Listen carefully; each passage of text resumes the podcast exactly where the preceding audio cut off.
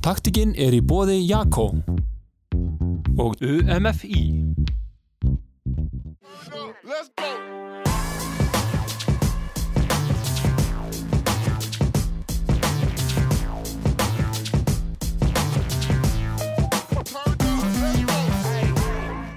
Komið sæl og velkomin í taktikina. Það er óhægt að segja að við getum ekki beðið eftir því að komast í ræktina sem er alveg að opna. En það er ný stöð að opna hérna á Akureyri. Við ætlum að taka púlsir á henni. Stöðin heitir Norður og hinga til minni setti er í komið Björk Óðinsdóttur og Blaine. Velkomin. Þegar. Við byrjum bara á þess að tala um sko ykkar bakgrunn í þessu. Þið hafið bæði getið ykkur gott nafn í CrossFit heiminum. Eh, verður þetta CrossFit stöð eða erum við að tala um eitthvað annað? Ekki beint CrossFit stöð en svona, svolítið, svona smitað af því auðvitað þannig að þetta verður svona fjölbreytt bara og mikið svona líkamstingt og notum bjöllur og handlóð og, og reynum að hafa þetta svolítið fjölbreytt og skemmtlegt en hérna þessi maður á mér er svona meiri masterinn í þessu öllu saman hvernig þetta fer fram When did you first realize, okay, I'm going to Iceland to open a gym? Uh, this is kind of weird. I don't think I actually came to Iceland to open a gym. um, it's just like we've been living here, or together been living here for the past year. Um, and I think the gym kind of came into the picture over the last six months or so. It was something that we talked about that we wanted to do. We didn't know how we were going to open it or where we were going to open it. The opportunity came that we could purchase the gym, and we went and looked at it and decided that this is the best opportunity for us for what we want to do right now. So purchasing the gym kind of came after moving to Iceland. So, but it's it's worked out really well. Yeah. A few years ago, you might not have been expecting this. No, I've always like always wanted to open a gym. So I didn't, but I didn't know that path was going to lead me to opening a gym in Iceland. Especially if you asked me five years ago, if you told me I was going to open a gym in Iceland, I was going to say you're crazy. but it's where we're at now, and with meeting Bjork, marrying Bjork, moving to Iceland, we've seen that that we do have something to offer that not anybody is doing right now, and this gym is kind of the key to opening that door for people to see a different type of training, a different way to approach training, like a different mindset towards training in whole. Aðdraðandinn, hann er þá ekki sérstaklega langur af þessari opnun og þetta gerist líka yfir sko COVID tíman sem er kannski líka bara kostur í svolítið saman. Já, á ákveðin stressfaktor, ef maður segir það, líka í byrjun auðvitað. Við vorum börjað að tala um þetta fyrir það, sko, þetta var svona komið í spilin en það er svona í raunin að gerast í hápunkti COVID þegar við erum svona að taka þessar ákveðinir og það er náttúrulega doldið stress, maður veit í rauninni ekkert hvað er að fara að gerast en maður veit alltaf að það mun batna og, og það mun alltaf að fara að reyfa sig aftur. Og já, ég veit trú að því að allir eiga eftir að nýta sér gym í framtíðinni hvernig sem allt fer. Og vonandi bara meira eftir þetta allt saman. Þannig að mm, við sáum þetta bara sem tækifæri og, og nýta líka tíman að því það þurft að vera að loka geta farið í ákveðna framkvæmt, við sáum það strax að við vildum gera mikla breytingar á húsnæðinu og bara fá þennan tíma og nýta þannig að þess að það eiginlega sparka okkur meiri rassin að klára þetta mál og, og ákveða þetta. Og við fundum bara mjög góða samstarfsaðila með okkur og við erum fjögursenst þannig að þetta bara klikkaði einhvern veginn og er búið að ganga alveg mjög vel hinga til. Og við erum mjög spennt að fara að opna Nú er rosalega margir þegar sko ræktina lokuðu sem fóru netið að reyna að finna sér lóð uh, til þess að kaupa. Og þau eru nú í, á skortnum skamti gekk ekkit erfilega að finna bara já, dót og tæki til þess að geta opna uh, Það var mikið af dótið þetta í rauninni var það bara ómikið af dótið þannig að við vildum fá meira gólpláss þannig að við í rauninni ákveðum að losa okkur við það sem, sem við þurfum ekki að nota. Og það var alltaf góð tími til þess. Ég var sett í sölddeildina og bara stóð mig heldur vel.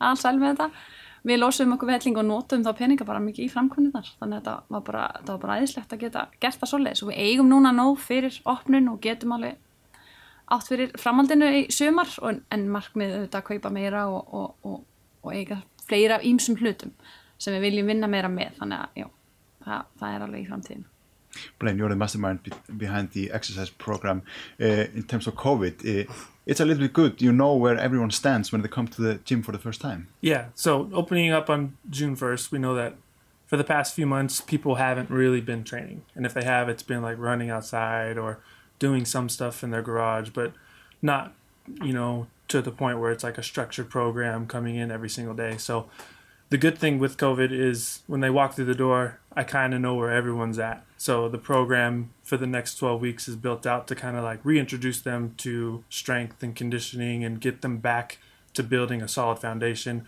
to where then after that we can just build and have more goals set for later on in the year. So the programming, while it's a huge part of it, the first part that we've programmed out is fairly easy, like you said, because nobody's really been doing a whole lot.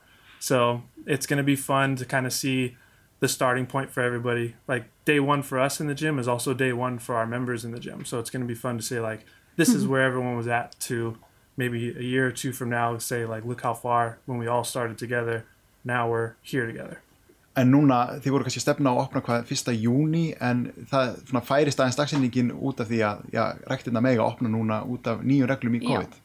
þannig að rækna mig að opna núna 2005 og þá ákveðum við bara halda okkur fyrsta júni sem svona opnunar, alveg opnunatími en við ætlum að, bjóða öllum að koma í svona pröfutíma þannig að við ætlum bara að hafa vikuna alla núna, opna. Og erum með ekki alla stundtöfluna en svona pikkuðum út svona vinslæstu tímana og, og leiðum fólki bara að skrá sig í það og koma og, og sjá hvernig þeim líka Nú er rosa mikið í bóði, margar já, líkasrætta stöðvar og alls konar æfingarkerfi í gangi þannig að já, það er samkeppni um viðskiptavinnina. Fyrir hverja er norður?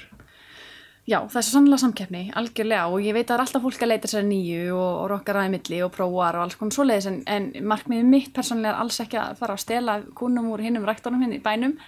Mér langar langmest til þess að fá fólk sem er ekki kannski að trista sér inn í líkasækt eða vill, vill komast inn og byrja að reyfa sig en hefur einhvern veginn ekki þóra að taka skrefið eða bara trist sér hinnlega heldur að sé of erfitt og, og bara, já, er bara ekki örugum stað kannski með sig líkamlega og með, með kannski verki hér og þar eða búin að lendi einhverjum, einhverjum áföllum með slísum.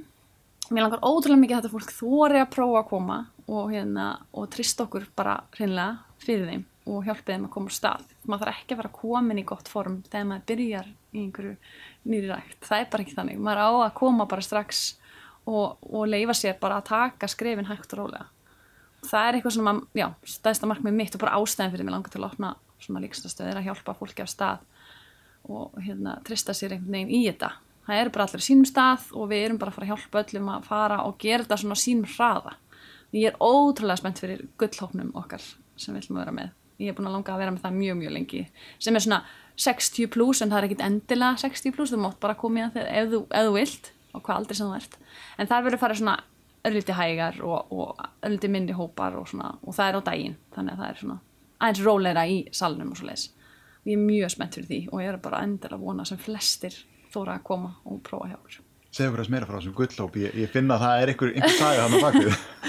ég veist, fyrir mér er þetta bara svo stórt og mikilvægt að bara að geta verið, þú veist, amma eða langama og geta kannski sest á gólfið og leikið við barnabarni eða farið og sparka bolta við, já, krakkana úti eða, veist, og bara farið með matabókana heim og, og lift fatinu og efstu hylluna þetta eru svona elli hluti sem að flestir vilja geta gert. Bara lifa lengur og svona þessi beinþýning í konum og eldri árum, þetta er alltaf ræðilegt að bara aðeins að renna í hálkunni og þú bara brýtir kannski fjögur, fimm bein. Og það er bara að liggja fyrir. Þetta er, það er ræðilegt að tilhugsun sko. en að styrstaþjálfum geti hjálpað svona mikið er bara ótrúlegt og allar ansóknir sína það.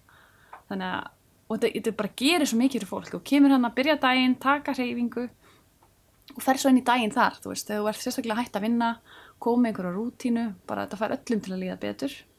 Og, og bara, þú veist, bara líka þunglind og allt þetta sem er að koma svo mikið á eldri árum hjá fólki sem er bara, og þetta er það sem er bara svo, svo leiðilegt að vera búin að lifa kannski frábæri lífi og góðan vinnuferil og svo einhvern veginn lenda þarna og bara, á, ég get ekki þetta og þetta lengur og fyrir að líða illa yfir því þannig að, já, ég langar rosalega mikið að geta hjálpa einhverjum svona að komast á stað og, og bara líða betur og, og, og lifa betra lífi, reynilega. Skemmtilega elli. Það er mjög göðvöld merkið.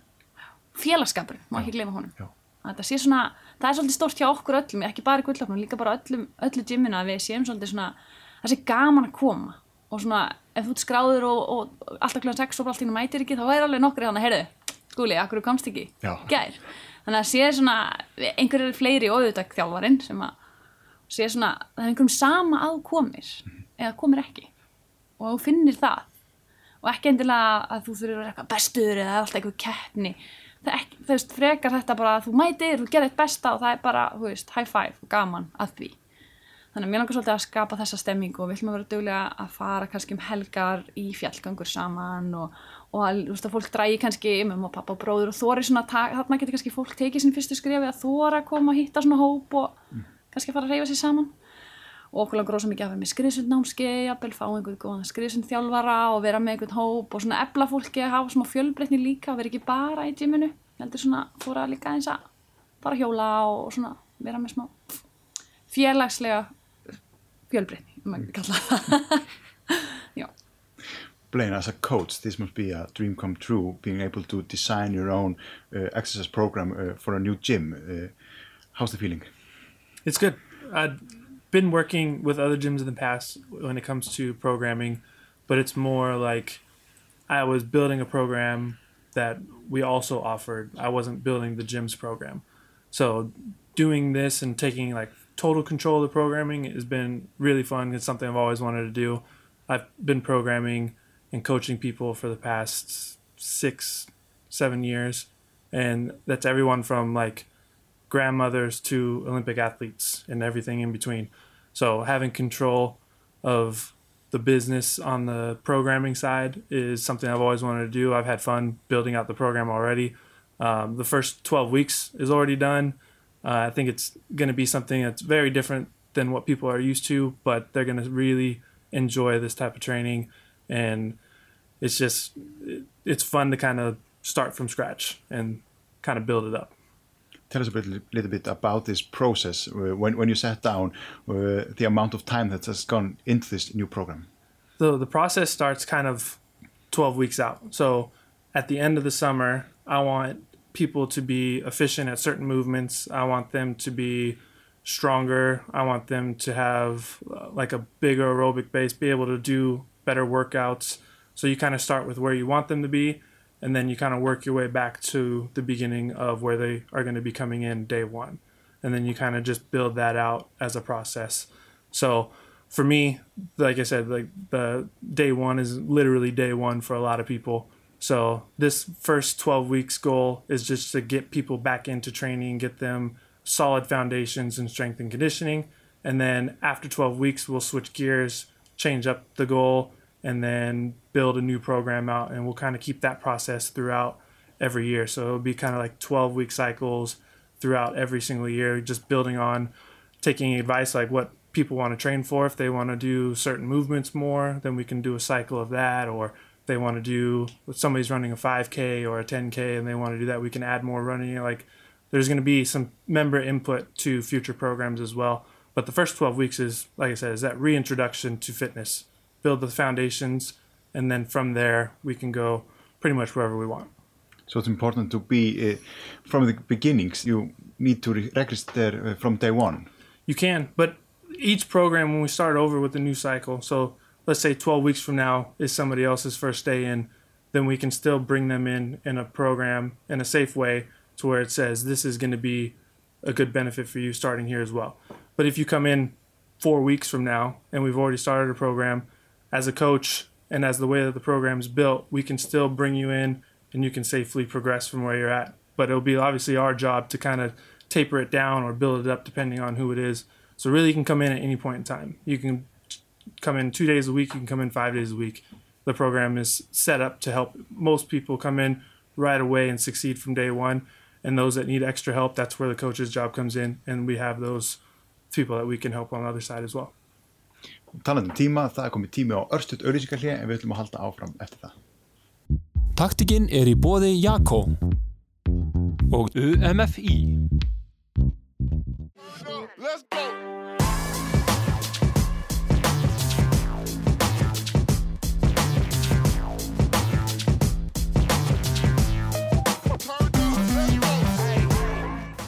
Höldum áfram inn í taktíkinni, öll mjög spennt að komast aftur í rektina. Ef við tölum aðeins meira um ykkur, Björk, eh, nú hafið þið verið að geta ykkur gott nafni í crossfitinu. Mm Er það eitthvað, kynnist þið þar eða eða hvernig er ykkar saga? Já, það kynnist við. Uh, 2000 og, wow, when did we meet? 2015? 15. Not that long ago.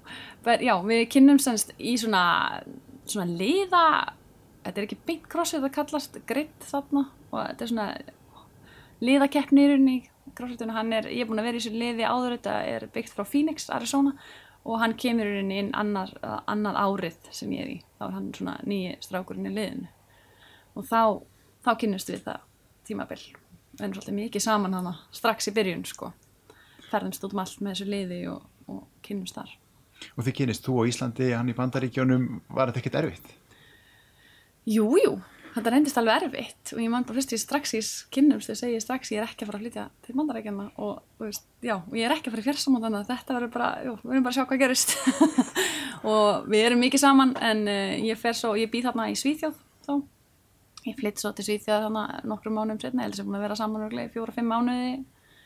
Og svo bara finnum við strax á okkur langar að vera saman hann ég held að hann komi mánuði setna og, og flytur henni bara til Svíþjóðar.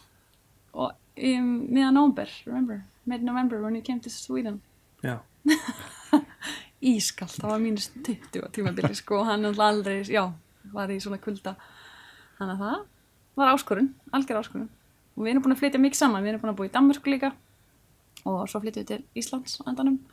Og erum líka búin að búa í bandarækjum saman þannig ég veist, beit það í mig. Það var mjög spennandi, ég, veist, ég veit ekki hvað þetta kom ég var alltaf verið mjög svona skeftísk á bandaríkin og, og ég man bara þegar mamma, ég fer út hún bara, hún kynnist engum þarna sko. það er ekki að fara að gerast sko.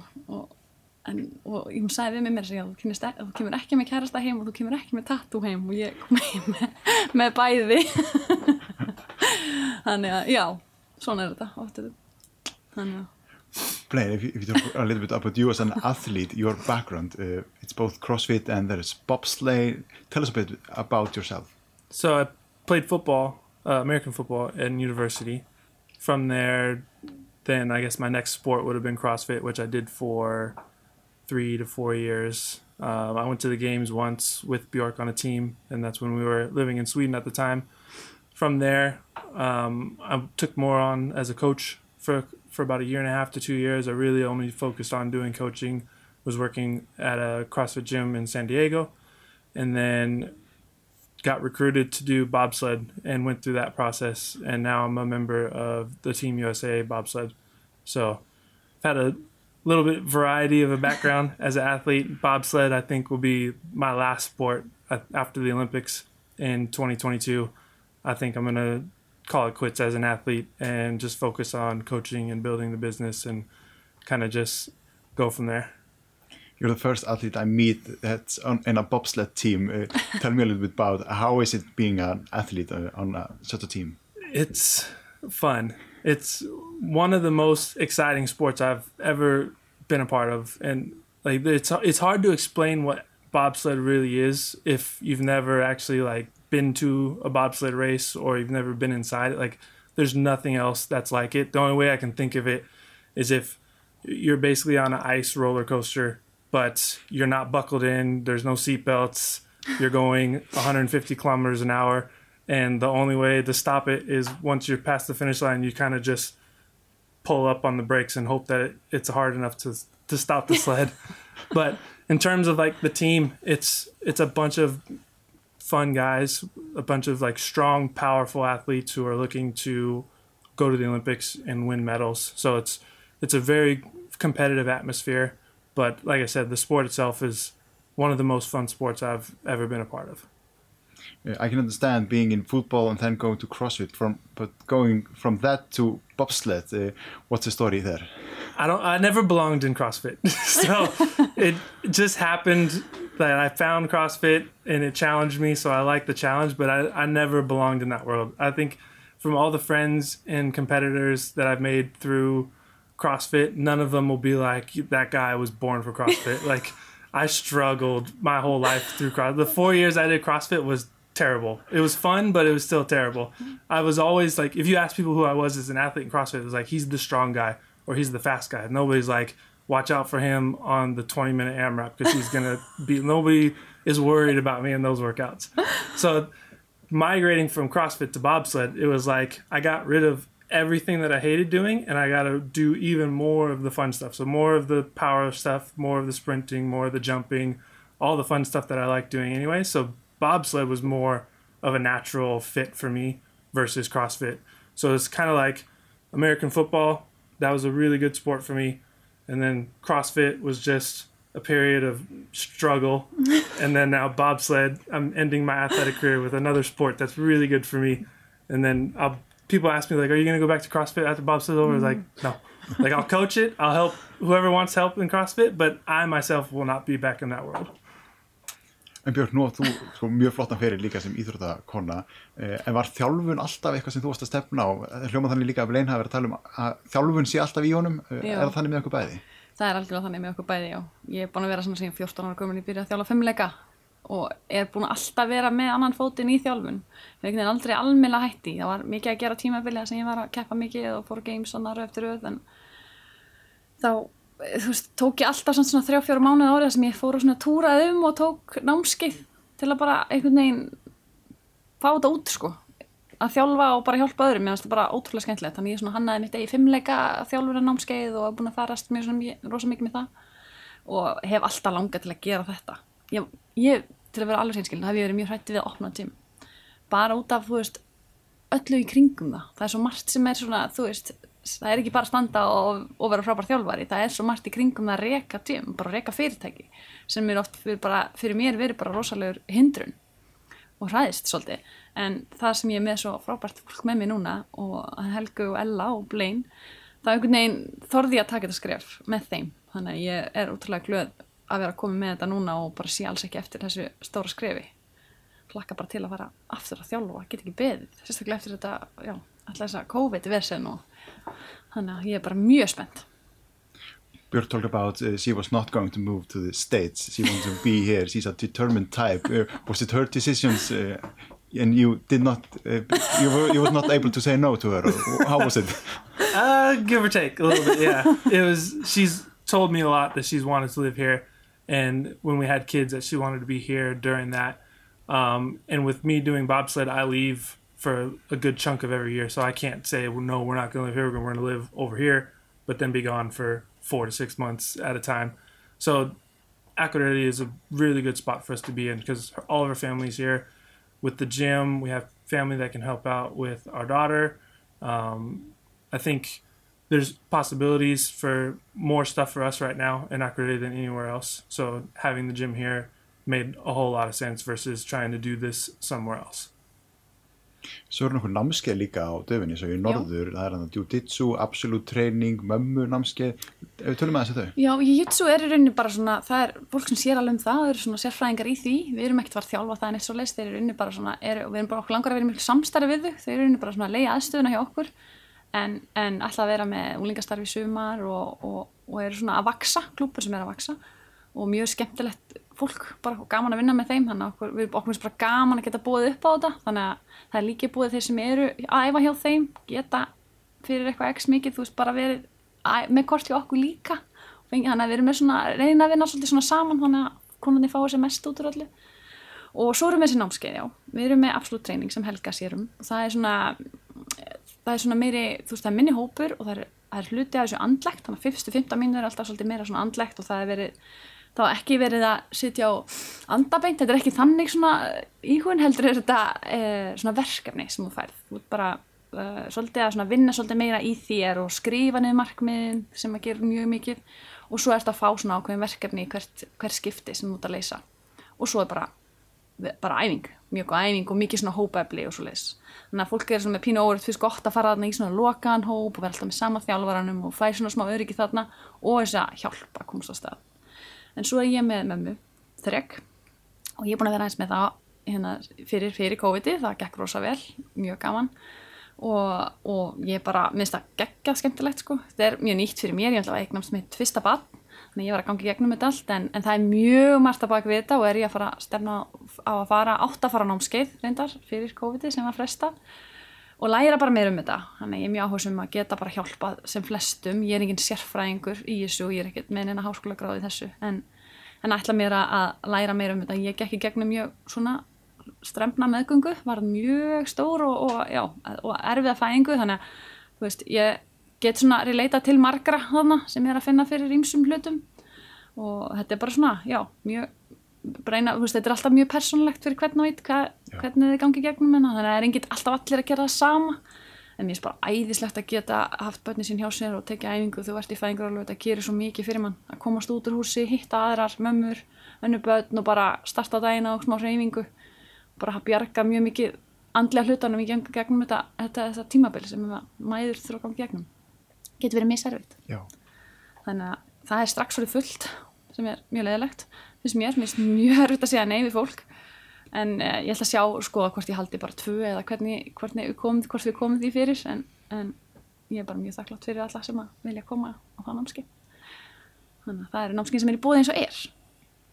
Not times in short supply. Uh, at, at the end, if we look into the future of uh, uh, Norður, uh, do you see bringing in other coaches or do you see you three managing uh, the whole uh, in the future and, uh, and how will it evolve? No, I hope we have other coaches. We're going to need some help eventually.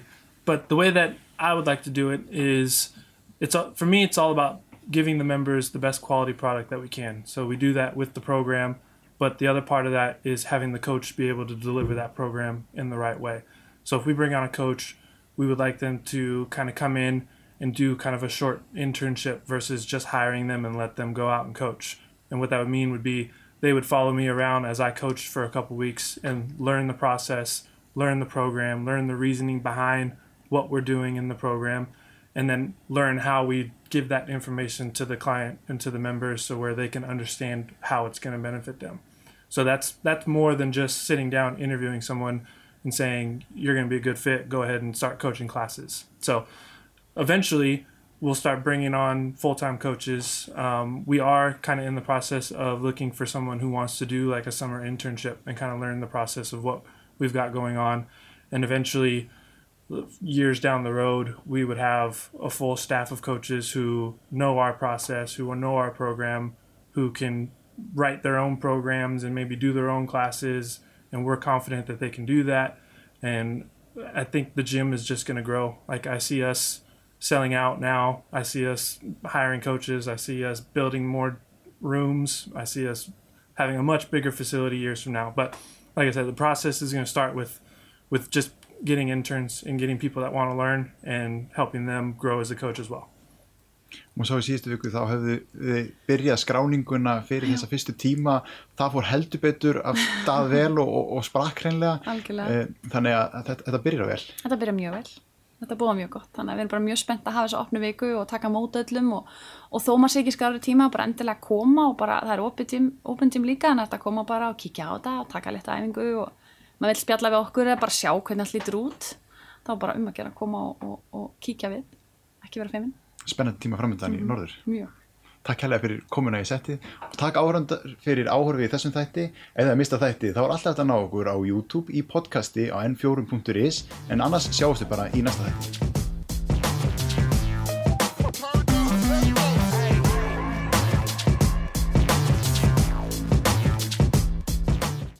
Taktikinn er í bóði Jakko og UMFI.